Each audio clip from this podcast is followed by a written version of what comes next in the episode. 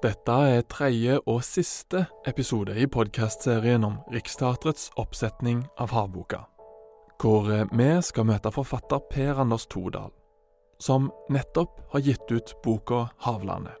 Det siste halve tiåret har ikke Todal lest noe annen litteratur enn den om havet. Så hvordan har måten vi skriver og leser om havet på, endra seg fram til i dag? Fram til ca. 1700 så ble det skrevet minimalt om havet i norsk eh, eller norrøn litteratur. Eh, I sagalitteraturen er ikke havet til stede som en aktør i det hele tatt. Altså vikingtida? Vikingtida og middelalderen seinere. Eh, sagalitteraturen er jo stort sett litt etter vikingtida. Men det paradoksale er at her var en nordlig sivilisasjon som var helt bygd på sjøfart og bruk av havet. Vikingene var jo knapt nok i stand til å slåss uten langskip. Mm. Litt seinere i middelalderen så har du historie om Det er fra borgerkrigstida. Da er det historie om folk som trekker langskipene sine opp i Mjøsa for å kunne slåss i Innlandet. Uh, Norgesveldet, som det blir kalla, det kalde imperiet som strekt seg fra Norge til Grønland og Island og Færøyene, Shetland, Orknøyene. Uh, det her er et imperium som bare henger sammen fordi folk er i stand til å seile 3000 km over åpent hav. Og det var jo folk som virkelig kunne fortelle. De kunne virkelig lage en god fortelling. De er helt uinteressert i havet.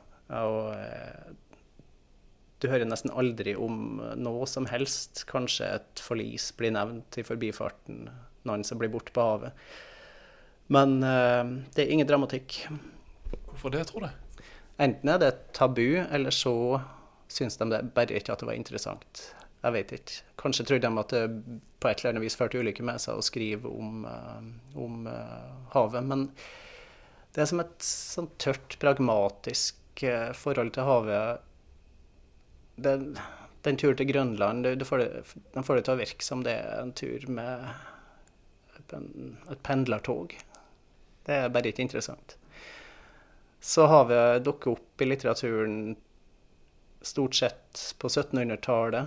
Uh, eh, I hvert fall i England. Jeg kan ikke snakke for andre lands litteraturer. Men uh, de oversiktene jeg har sett over havet i engelsk litteratur, tyder på at havet er ganske uinteressant fram til ca. 1700.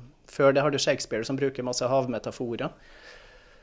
Men til og med de store seilerne av typen Drake eh, De skrev jo beretninger om eh, reisene sine rundt i verden, men de skrev ikke om sjølve havet.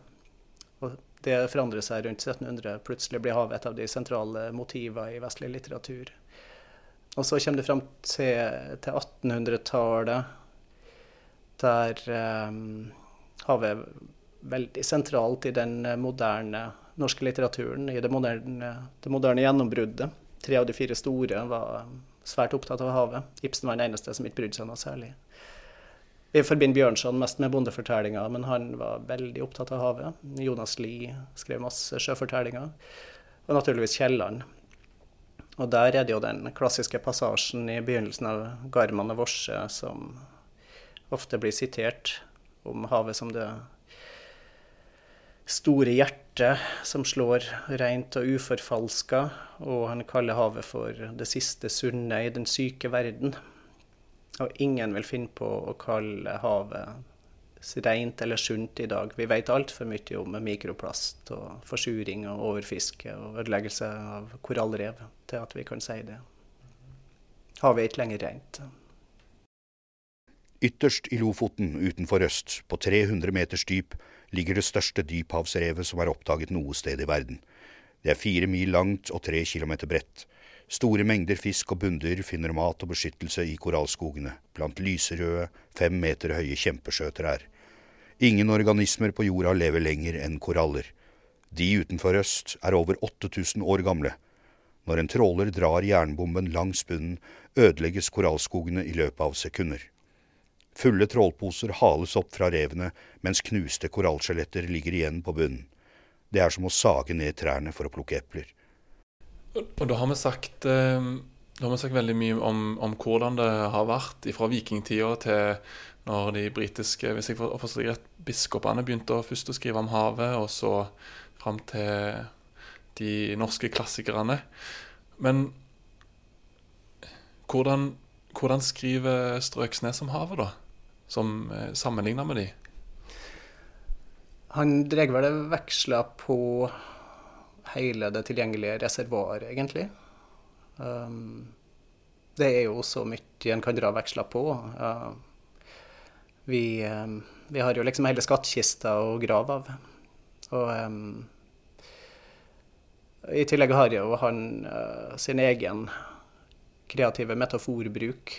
Uh, en skal uh, passe når jeg skriver om havet, fordi det er forferdelig fort gjort å havne i klisjéfellene. Som for eksempel? Nei, all sentrallyrikken om uh, havet, det er, det er jo helt skrekkelig. um, jeg jeg syns Morten har klart seg godt unna de uh, fallgruvene som ligger der. da. Når uh, et tema er så omskrevet, og ofte på veldig svulstige måter, så må en ta det ned. Men hvis en tilbringer nok tid der ute så får en jo sitt eget forhold til havet, og da kommer egentlig de uh, originale metaforene litt av seg sjøl. En må bare gi det litt tid. En må faktisk være, i, være på sjøen, og en må se den på kloss hold for at uh, det skal bli din egen, også språklig. Da. Har du noen eksempler fra ditt arbeid hvor sånne metaforer har, har kommet fordi du, du har vært til stede lenge nok? da? Jeg holdt på såpass lenge at jeg kjente at jeg sjøl forandra meg noe i løpet av den tida det tok. Um, det var særlig et øyeblikk ute i Norskehavet i en liten storm med et forskningsfartøy. Der vi bare Altså, det var et ganske stort skip, men eh, det spratt jo bare rundt som en dupp uti de bårene. Jeg var ikke egentlig redd. Det, det, ligner på å være oppe i et fly. Det er jo naturstridig å gå opp i et fly, og du må bare stole på, fly, flykapteinen. Og på samme vis er det å være på havet i et dårlig vær. Du må bare stole på kapteinen din. Så tenkte jeg på at det er så tidløst der ute nå. Um, når du er ute på havet der, så er det ingen markører annet enn skipet for hva epoke du befinner deg i det havet der kunne ha sett akkurat likedan ut for en million år siden, eller tusen år siden, eller ti millioner år siden. Kanskje en litt annen temperatur hvis du går langt nok tilbake, men, men det er tidløst. Og eh, jeg fikk følelsen av at jeg sjøl var bare et lite vindu av bevissthet som har slumpa til å åpne seg en plass i den store tida, den dype tida. Eh, jeg kjente meg veldig forbigående. Uh, det her er bare et blunk. Jeg er heldig som får kikke ut gjennom det her vesle vinduet en kort stund. Og så lukker det seg, og så kommer sjøen til å være akkurat som før. Sjøen bryr seg ikke. Ble du eh, ydmyk da, eller, eller, ble du litt lei deg? Bare ydmyk. Det kjentes akkurat der og da som om uh, tanken på ens egen dødelighet ble mye lettere å håndtere.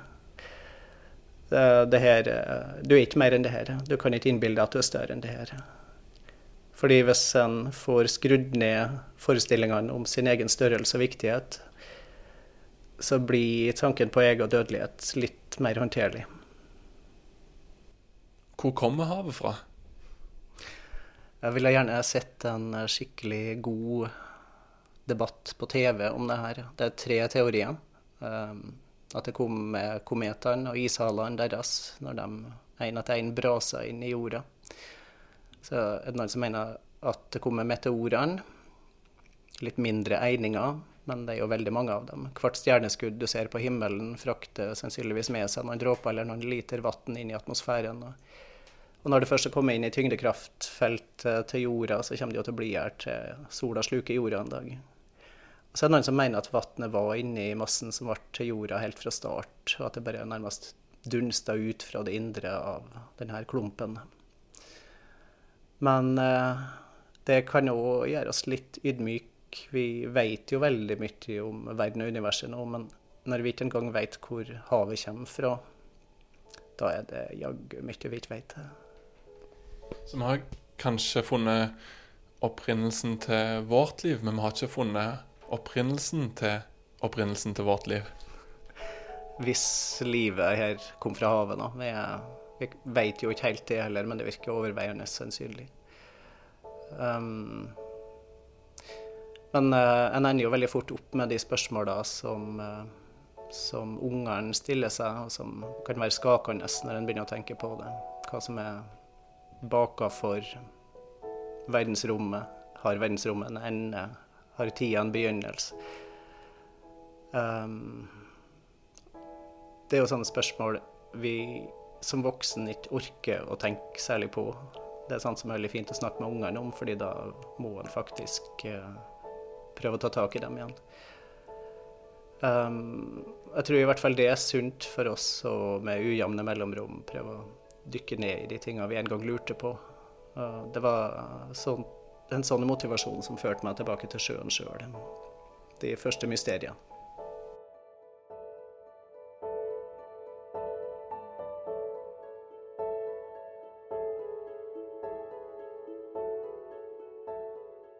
Du har lytta til en podkast av Riksteatret i samarbeid med Nationaltheatret. Avboka settes opp over hele landet og spilles til slutt på scenen til Nationaltheatret. Musikken er laga av Joel Salin, og produksjonen er gjort av Lars Christian Øverland for Filt.